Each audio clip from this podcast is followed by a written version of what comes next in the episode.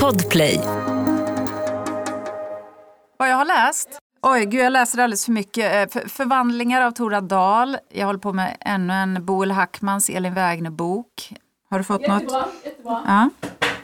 Det är ett väldigt ovanligt problem. Jag läser alldeles för mycket. Eller hur? Jag tänkte också att man visste hur det skulle sluta egentligen men det var inte det som kom. Nej, jag är så splittrad. Jag måste ha massa böcker igång samtidigt.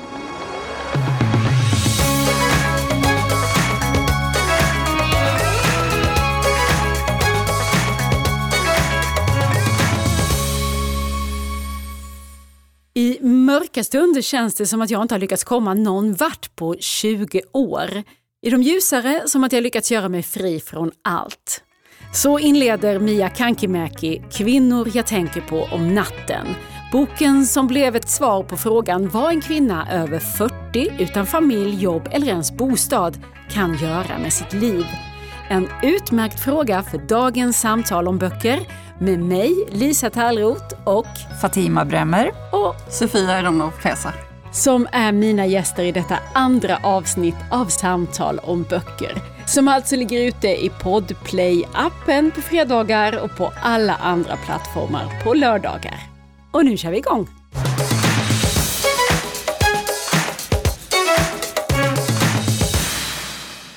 Välkomna Sofia Rönopessa och Fatima Bremmer. Det är ni, vi här som ska ha en liten bokcirkel nu om den här boken Kvinnor jag tänker på om natten. Men ni är ju också författare, båda två. Du har varit här förut Sofia och pratat om din debutroman Männen i mitt liv. Det var ett år sedan ungefär exakt faktiskt. Och är på gång med en roman nummer två. Det stämmer. Om allt går som det ska, vilket det väl ska, så kommer den ut i april. Välj mig heter den. Besläktad med den första lite grann. De, de hör ihop, inte fullt ut, men lite grann. Om man kan vara så vag som det bara går. Ja, ja, jag tycker du, du lovar men ändå inte för mycket. Ja men bra. Och Fatima Bremer, dig känner vi ju som Ester Blenda Nordström-experten. Din bok Ett jävla solsken fick ju Augustpriset 2017. Och nu vet jag att du är på gång med en ny, också lite besläktad bok, besläktad med Ester Blenda-boken. Ja. Vill du avslöja något om vad du skriver om? En slags spin-off kan man väl eh, uttrycka det som. Och eh, eh, där berättar jag om Ester Blendas tjejgäng. Det här härliga gänget Ligan kommer jag berätta om i nästa bok. Och det gänget Ligan och inte minst en sån som reporterpionjären Ester Blenda Nordström skulle väl kunna kvala in bland Mia Kankimäkis nattkvinnor. Det är så hon kallar dem, de här kvinnorna som hon tänker på om nätterna när hon inte kan sova. Det är kvinnor ur historien som på olika sätt trotsat konventioner och skapat sig ett liv utanför tidens snäva kvinnoideal. Och Mia Kankimäki är en finsk författare. Den här boken kom ut i Finland 2018 och det är hennes första på svenska. Men nu har den översatts och getts ut i flera länder här i år. Ibland kan det ta lite tid innan en bok hittar ut i världen. Kan vara värt att tänka på för er författare också. Men ska vi börja med att försöka ringa in vad det här är för slags bok? För den är ju inte helt självklar i sin genre. Vi mixar en reseskildring och kvinnohistoria. Vad skulle du säga Fatima, vad är det här för slags bok? Ja, men det är precis det du säger, att det är en slags hybrid ju. Och eh, jag tänker också att det här är så här självutvecklings, eh, lite mer åt det psykologiska hållet också, på, på ett populärt sätt. Men eh, det är ju en hybrid. Det är inte alltid man Eh, vet vad man har att göra med. Nej, men precis. Och det kan ju vara spännande ibland eh, också. Ja, att, att läsa någonting sånt som är helt nytt för en i formen. Har du läst något liknande tidigare Sofia? Nej, jag gillar, jag gillar hennes liksom initiativ i att här skapa någon slags eh, ja, men liten inblick i hennes eh, känslomässiga process. Alltså man får ju verkligen nå henne både på det väldigt, väldigt privata planet och sen ut i liksom på något sätt eh, källorna hon har hittat och vilka kvinnor hon fokuserar på och så vidare. Så att det är verkligen en spännande Ja, men man får följa liksom mer hennes resa på något sätt som då går över olika saker. Jag, jag kan inte säga att jag känner igen det jättemycket men jag tycker att det är ett ganska roligt grepp. Jag skulle vilja se det eh, mer. Mm. Och startpunkten för den här boken det är ju att författaren själv konstaterar att hon är 43 år och tillbaka i en 20-årings livssituation. Hon har ingen man, inga barn, inget jobb och inga fasta förpliktelser. Samtidigt som hennes vänner då blir mer och mer uppslukade av just de här sakerna. Så hon är fri men utanför, skriver hon. Och vad är det då för slags plats? Vad rymmer den för mening och möjligheter? Vad tänker ni om det här utgångsläget? Är det något ni kan identifiera er med, Fatima? Ja, men jag, jag kan nog verkligen förstå eh, och relatera i många delar. Det skulle mycket väl kunnat varit jag på många vis, tror jag. Om man är en person som gör saker utifrån vad man tycker om och sen plötsligt känner man att man får nog eller att man eh, behöver göra någonting annat och kanske då tar ett sånt drastiskt beslut som att säga upp sig eller flytta. Jag har gjort sådana där saker också och börjat om igen. Liksom och eh, hittade inte heller min livsperson, min partner, liksom man, förrän ganska sent. Och, eh, nej men jag kan verkligen identifiera mig med mycket och det är kanske också därför jag tycker de delarna i boken, precis som Sofia säger, som jag fastnar på. För de tycker jag är spännande, att hon är självutlämnande på ett sätt som gör att man identifierar sig. Eh, vi är ju väldigt samma ålder hon och jag också, så att eh, Alltså jag älskar allt som har att göra med att man bara vill fly normer. Eller liksom så här att man är förtvivlad över förväntningarna som samhället lägger på en. Det tycker jag ska vara startpunkten för allt man gör.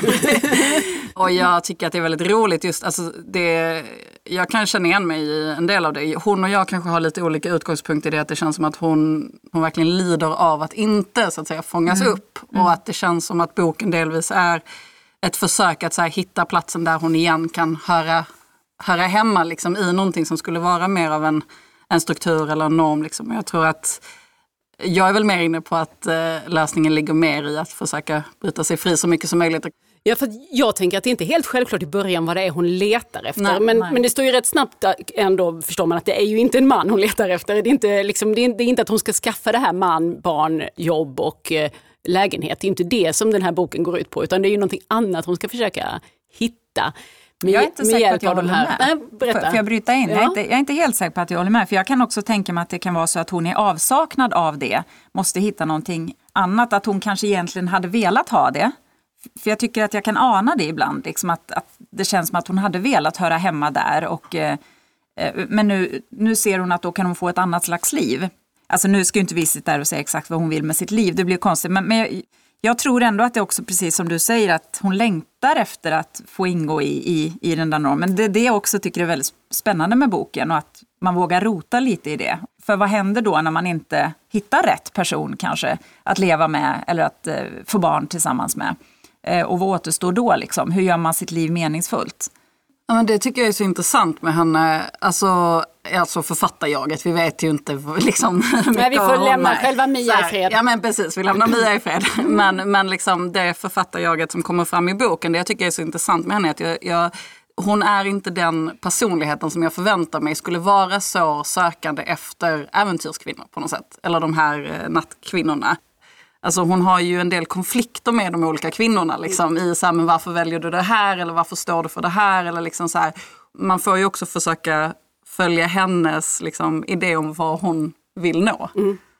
För det hon gör här är att hon intresserar sig för kvinnor ur historien som på olika sätt inte velat eller kunnat finna sig i sin samtids kvinnoroll. Och kan hon lära något av dem är frågan. Det är tio kvinnor som porträtteras här i boken.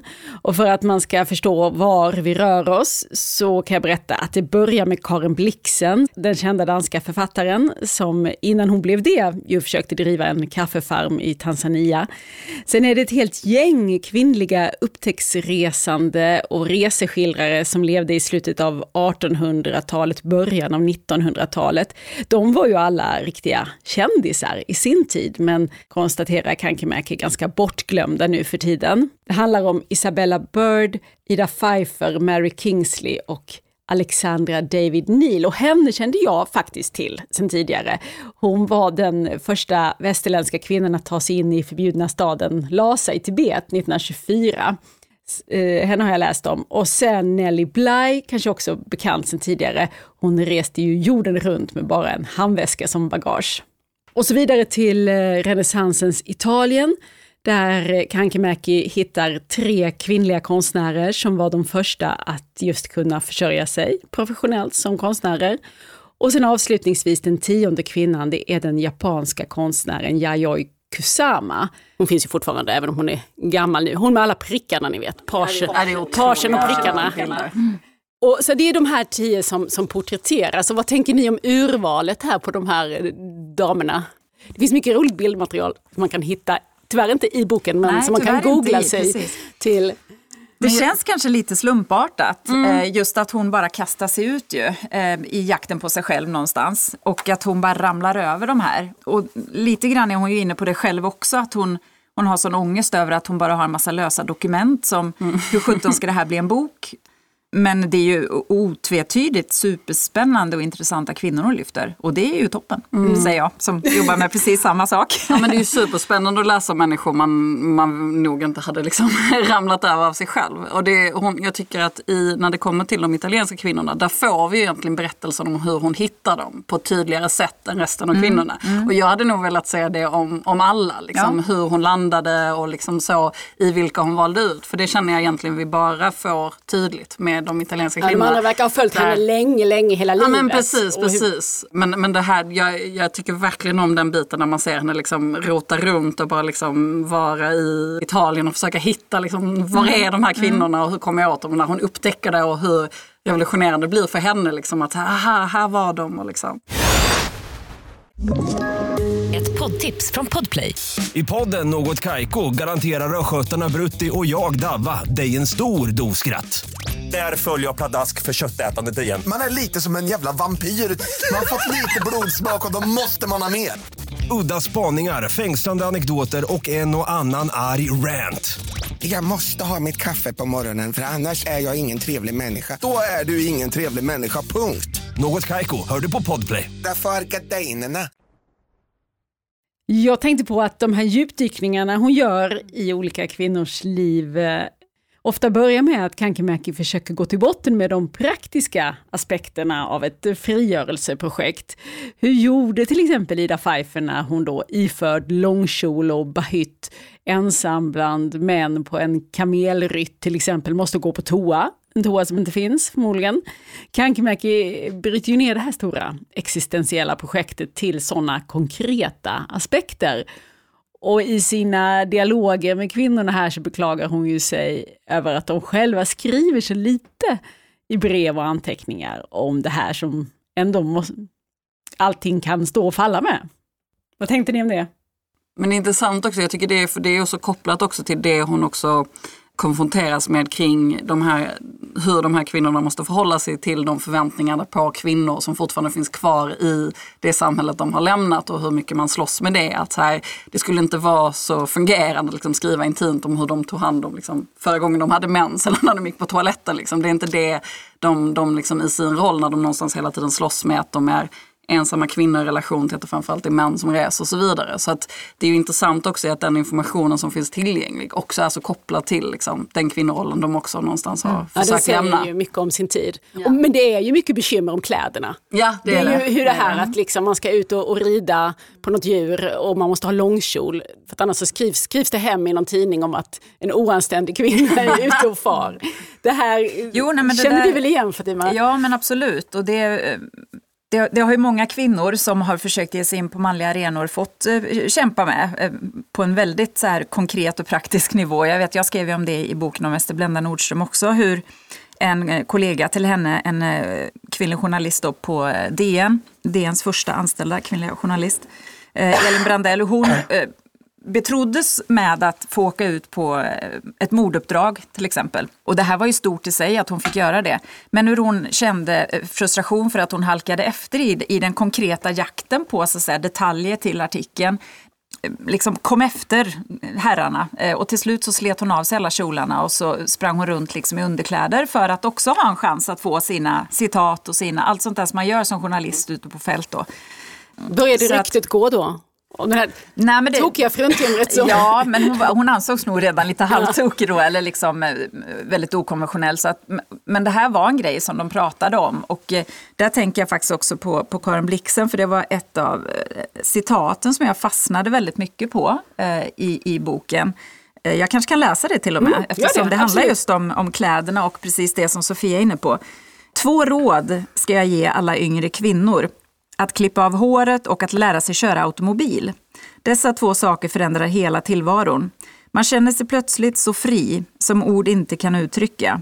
Med en kort man som man kan ordna på en minut och som vinden kan blåsa igenom. Och när man sen inte har korsett här ute så kan man verkligen röra sig som en mans jämlike. Det tycker jag säger allt. Det här är alltså 1923. Jag tänker det är också rätt så sent för att prata om en korsett liksom. Men, men så, så, här länge lever ändå det kvar. Så kan man verkligen röra sig som en mans jämlike. Mm. Bara att gå omkring med de tankarna i huvudet. Att så här, man kan inte röra sig på samma villkor som männen. Alltså det är så stort att ta in tycker jag, så jag nästan måste här, sitta tyst och tänka på det en stund. Hur ofattbart det är för oss idag. Men, men det var verkligheten de levde i. Så att, eh, att då liksom utmana, ge sig ut på jorden runt-resor, försöka paddla kanot eller gå runt i floder eh, och i djungler, alltså allting med de här kläderna, det, det, då förstår man att de snackar om kläderna.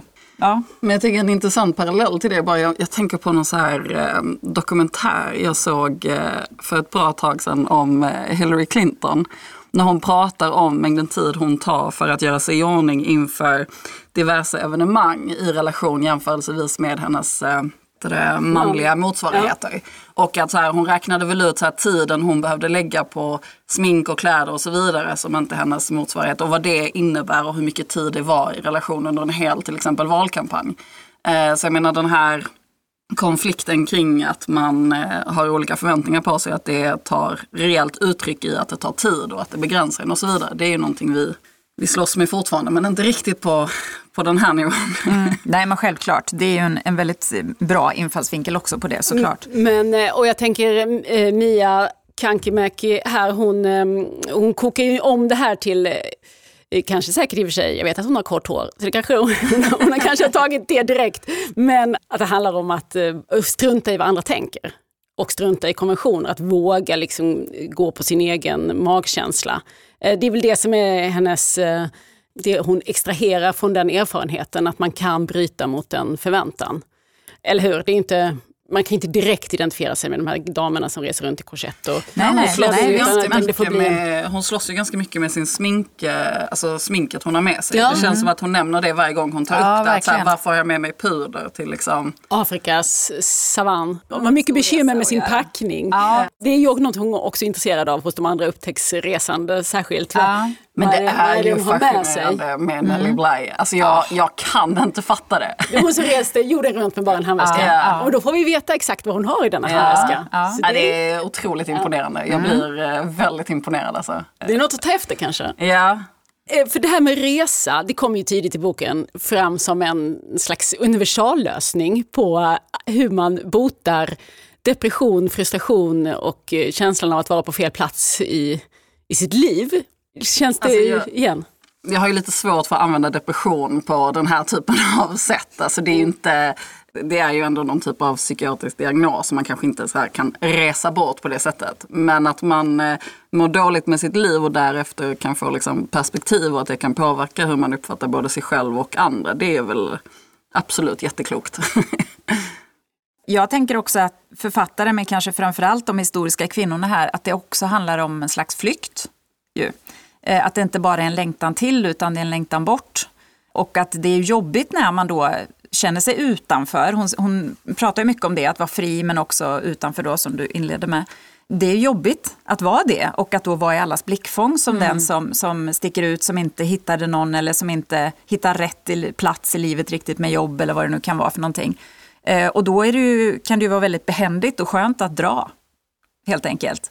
Eh, eller om, som man i Ester Blenda Nordströms fall, eh, som ju var en del tror jag i att hon var på resande fot hela tiden. Hon var ju hemligt eh, förälskad i en kvinna då. Och det var också ett sätt att både få träffa den här kvinnan på andra platser, bortan, liksom bort från allas blickar. Men också att då, då låg det inte på henne hela tiden att behöva gifta sig som hon borde, eller få barn och sådär.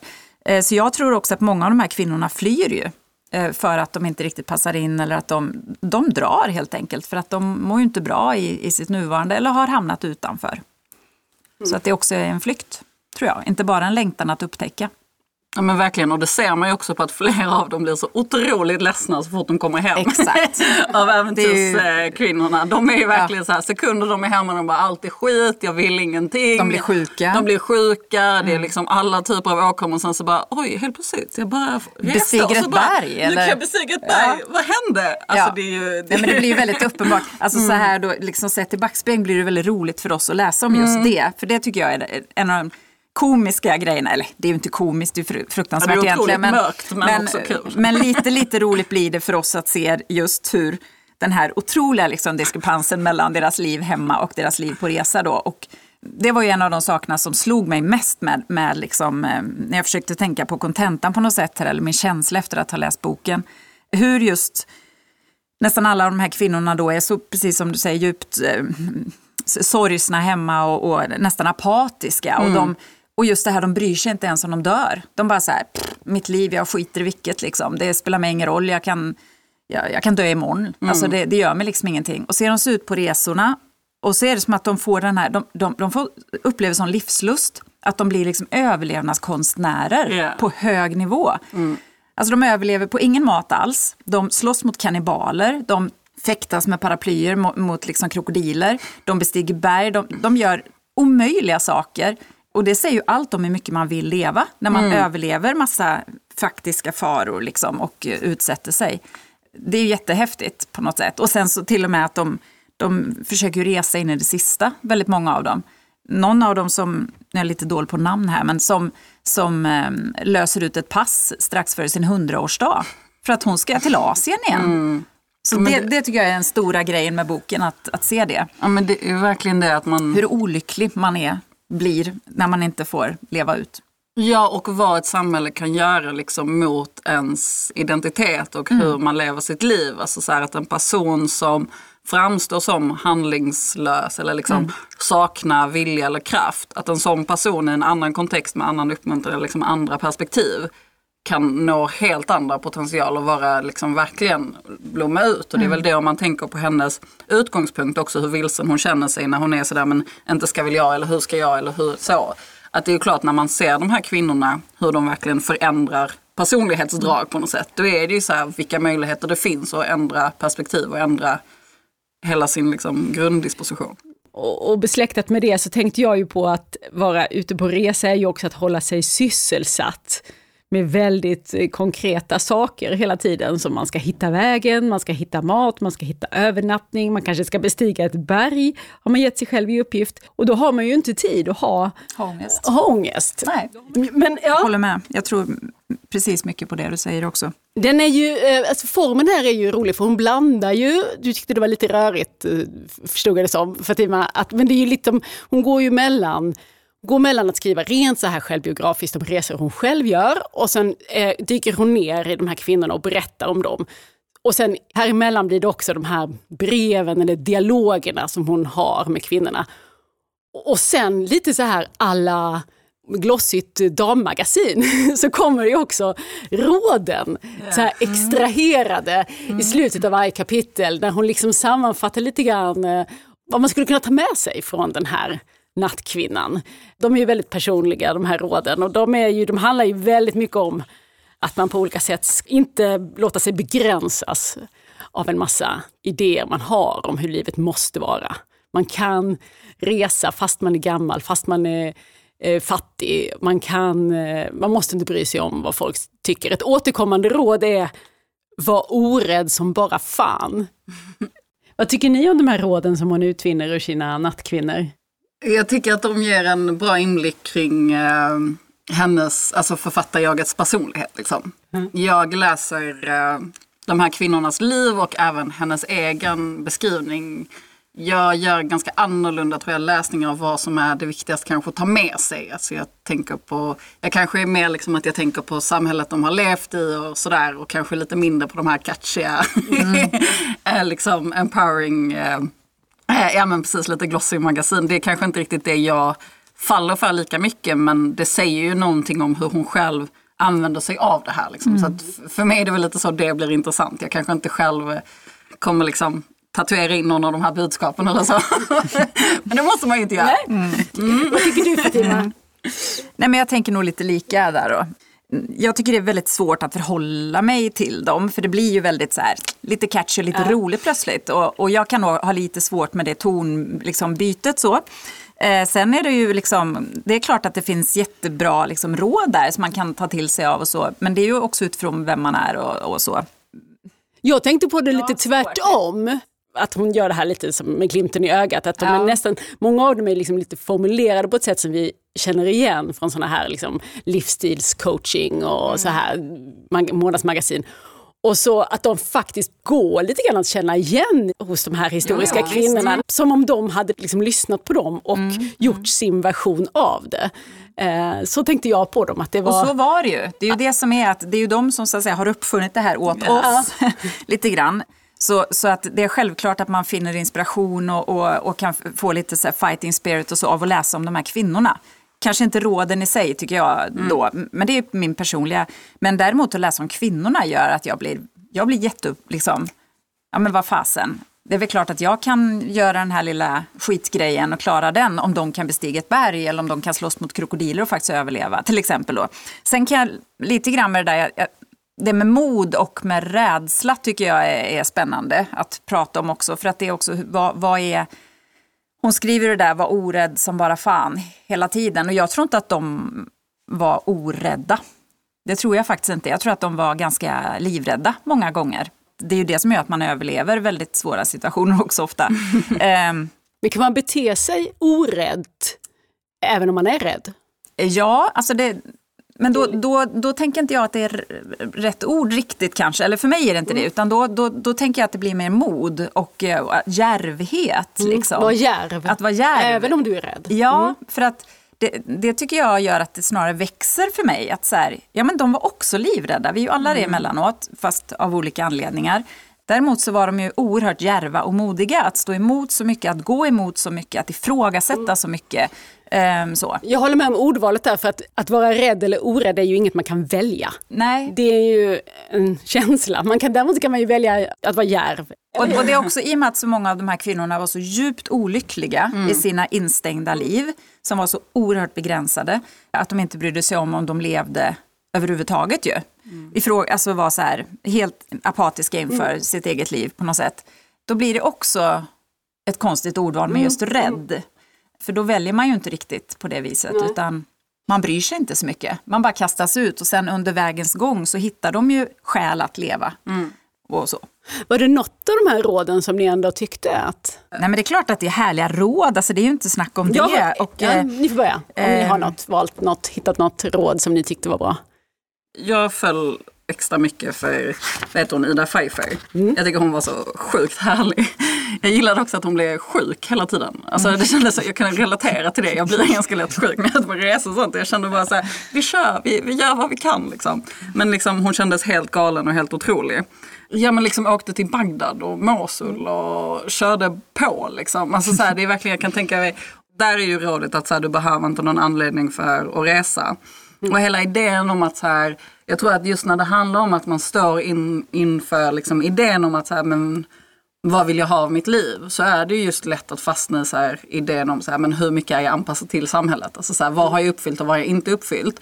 Och så här, även om du har det helt okej okay, eller även om det inte är något fel på ditt liv eller även om det är så här, så behöver inte det betyda att du behöver ett jättebra argument för att ge dig ut och upptäcka eller förhålla dig till frågor eller liksom bara förverkliga det själv så att säga. Utan det är väl en ganska bra sak att ta med sig. Att säga, jag får lov att eh, jag får lov att vilja upptäcka eller bli ny eller förstå mig själv även om saker är helt okej okay, typ. Mm.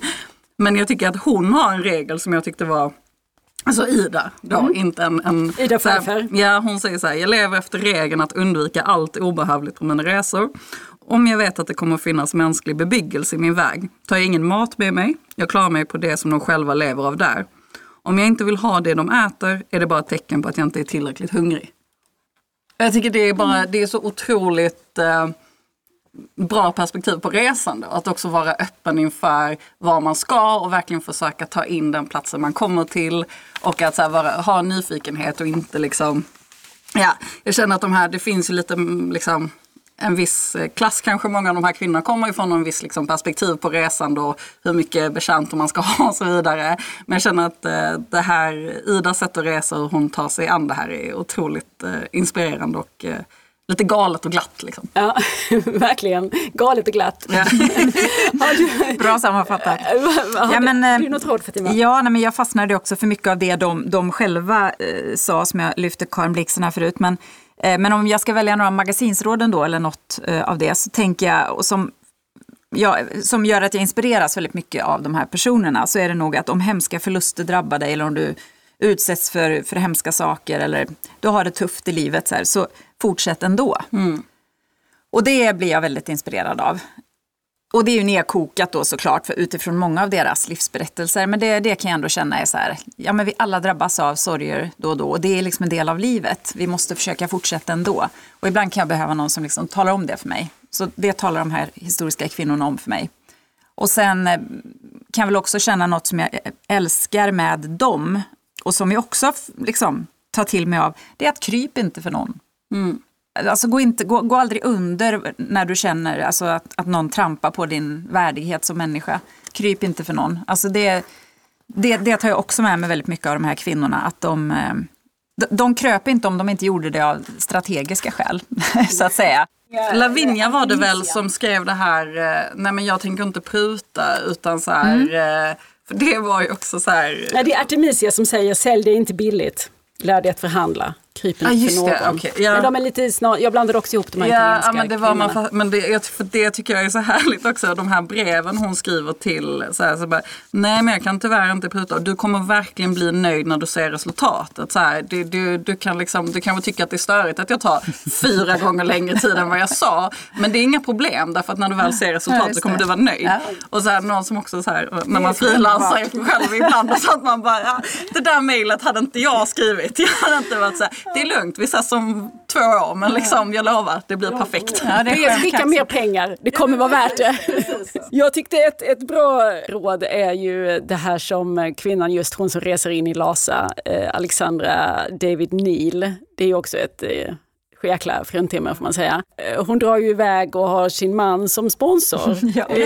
inledningsvis. 14 år. Man ser att hon går och stampar hemma och han tänker, ja, men okej, åk iväg då på din resa. Ett år var tanken.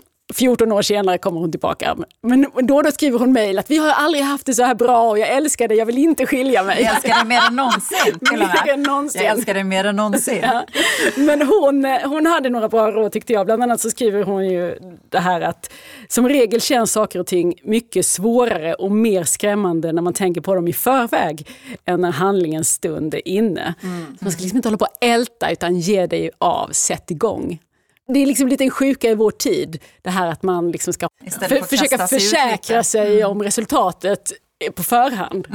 Så kan man kanske bara sätta sig på en åsna och ta sig in i den förbjudna staden. Ja, det är svårt det att direkt översätta alla gånger. Eh, Det är det. Men, eh, men man liksom kan- zooma. Ja.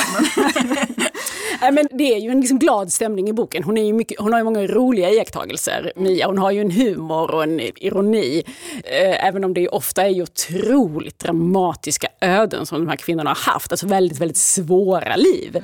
Får hon ihop det tycker ni? Alltså jag ska säga att humor är svårt i det att så här, alltså man ser ju var ens lojaliteter ligger när man använder sig av humorn. och jag slåss lite med liksom, ibland på vem bekostnaden liksom, humorn sker på. Eh, framförallt i liksom, Karin Blixen-delen som jag har slått mycket med. Liksom. Men, men, eh, så att det gör ju så att ibland träffar det rätt, ibland träffar det mindre rätt. Liksom. Det, jag, jag gillar ändå liksom, stämningen i boken just för att det är liksom, väldigt lättillgängligt. Eh, poddtips från Podplay. I podden Något Kaiko garanterar östgötarna Brutti och jag, Davva, dig en stor dos skratt. Där följer jag pladask för köttätandet igen. Man är lite som en jävla vampyr. Man har fått lite blodsmak och då måste man ha mer. Udda spaningar, fängslande anekdoter och en och annan arg rant. Jag måste ha mitt kaffe på morgonen för annars är jag ingen trevlig människa. Då är du ingen trevlig människa, punkt. Något Kaiko, hör du på Podplay. Därför är gardinerna.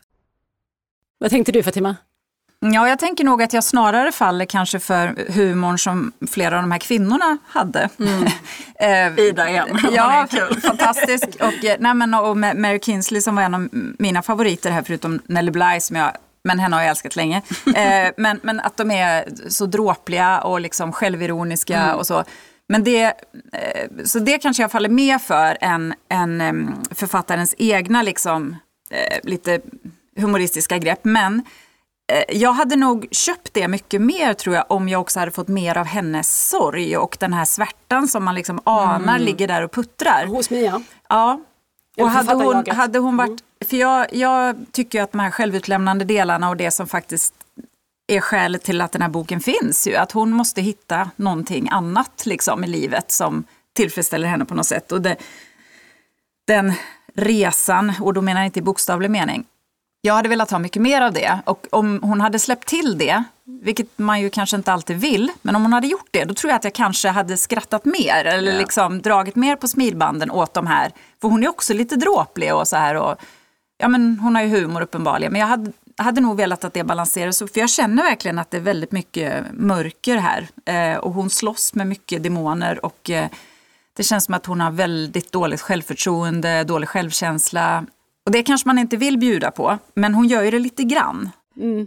Och jag tänkte, för att säga någonting om vart åt barkar och vart boken rör sig och hur det går i det här sökandet, så tänker jag att man kanske kan säga att hon mer och mer börjar identifiera sig som en skapande människa och då acceptera villkoren för att vara konstnär, författare i hennes fall.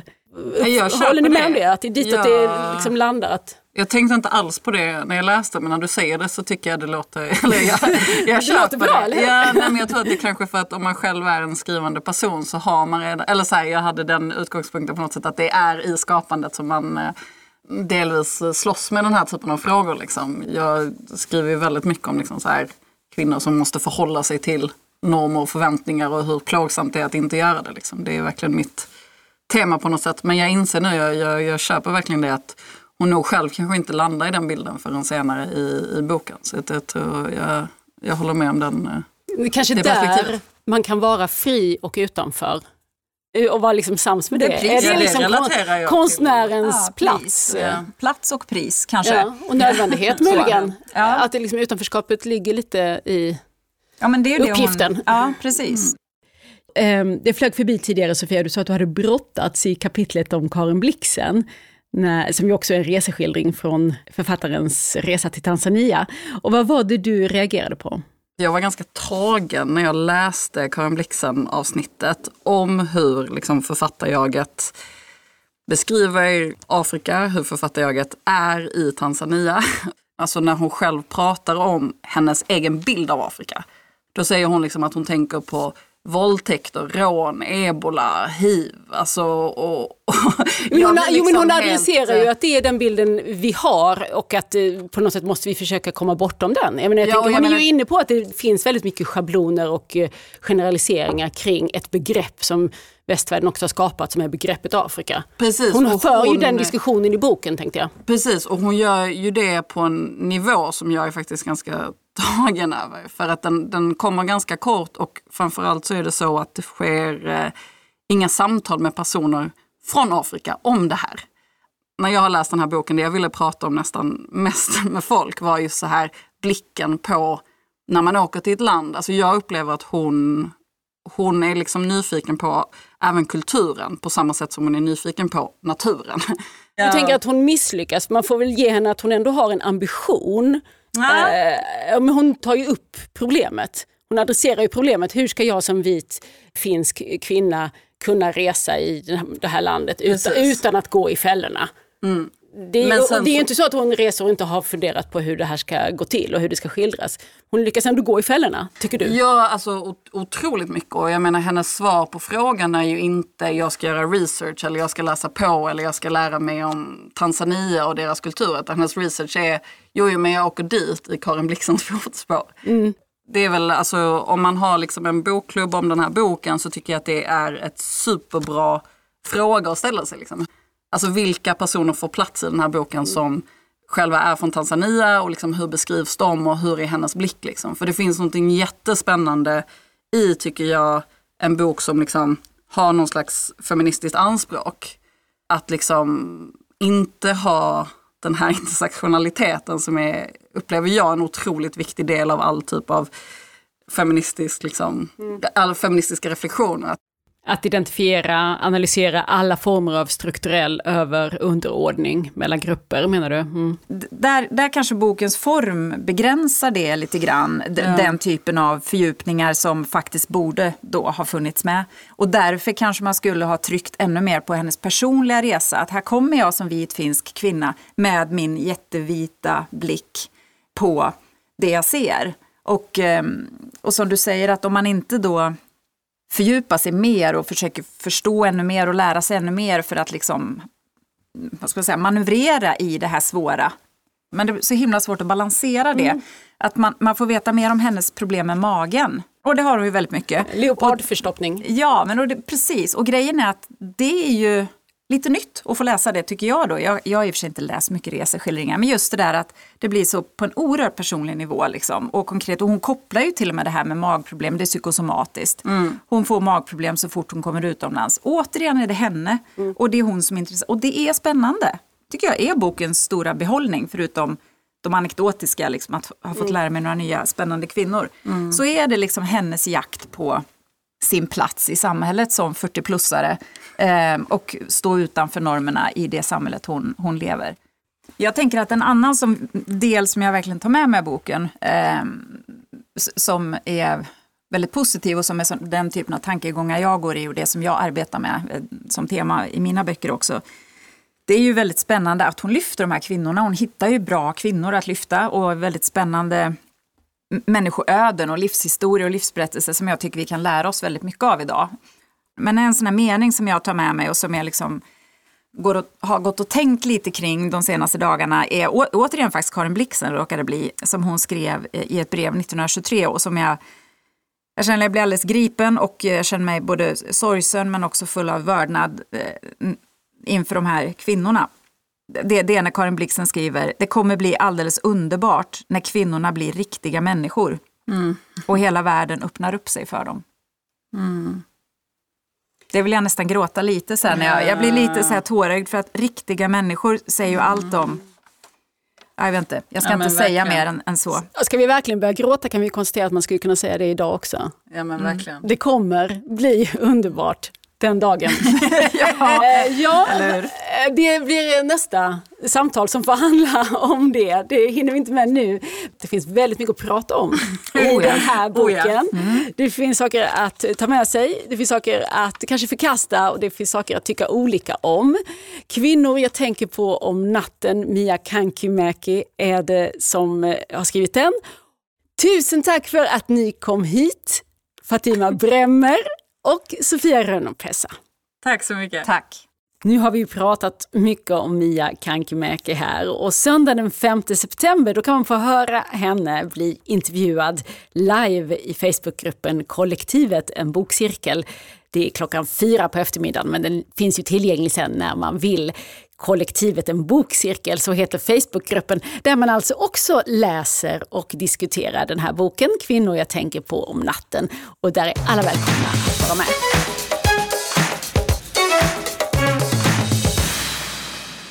Nästa vecka här i Samtal om böcker ska det handla om politikens vardag och maktkampen man befinner sig i som partiledare.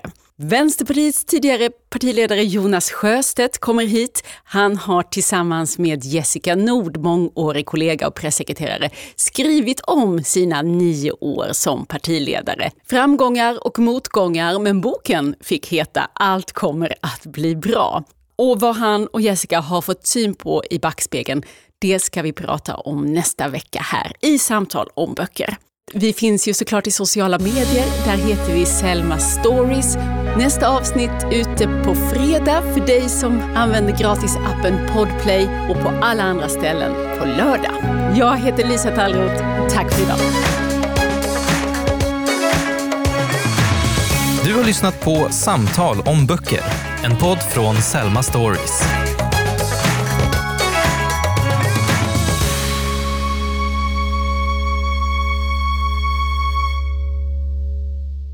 you poddtips från Podplay. I fallen jag aldrig glömmer djupdyker Hasse Aro i arbetet bakom några av Sveriges mest uppseendeväckande brottsutredningar. Går vi in med hemlig telefonavlyssning och, och då upplever vi att vi får en total förändring av hans beteende. Vad är det som händer nu? Vem är det som läcker? Och så säger han att jag är kriminell, jag har varit kriminell i hela mitt liv men att mörda ett barn, där går min gräns. Nya säsongen av Fallen jag aldrig glömmer på Podplay.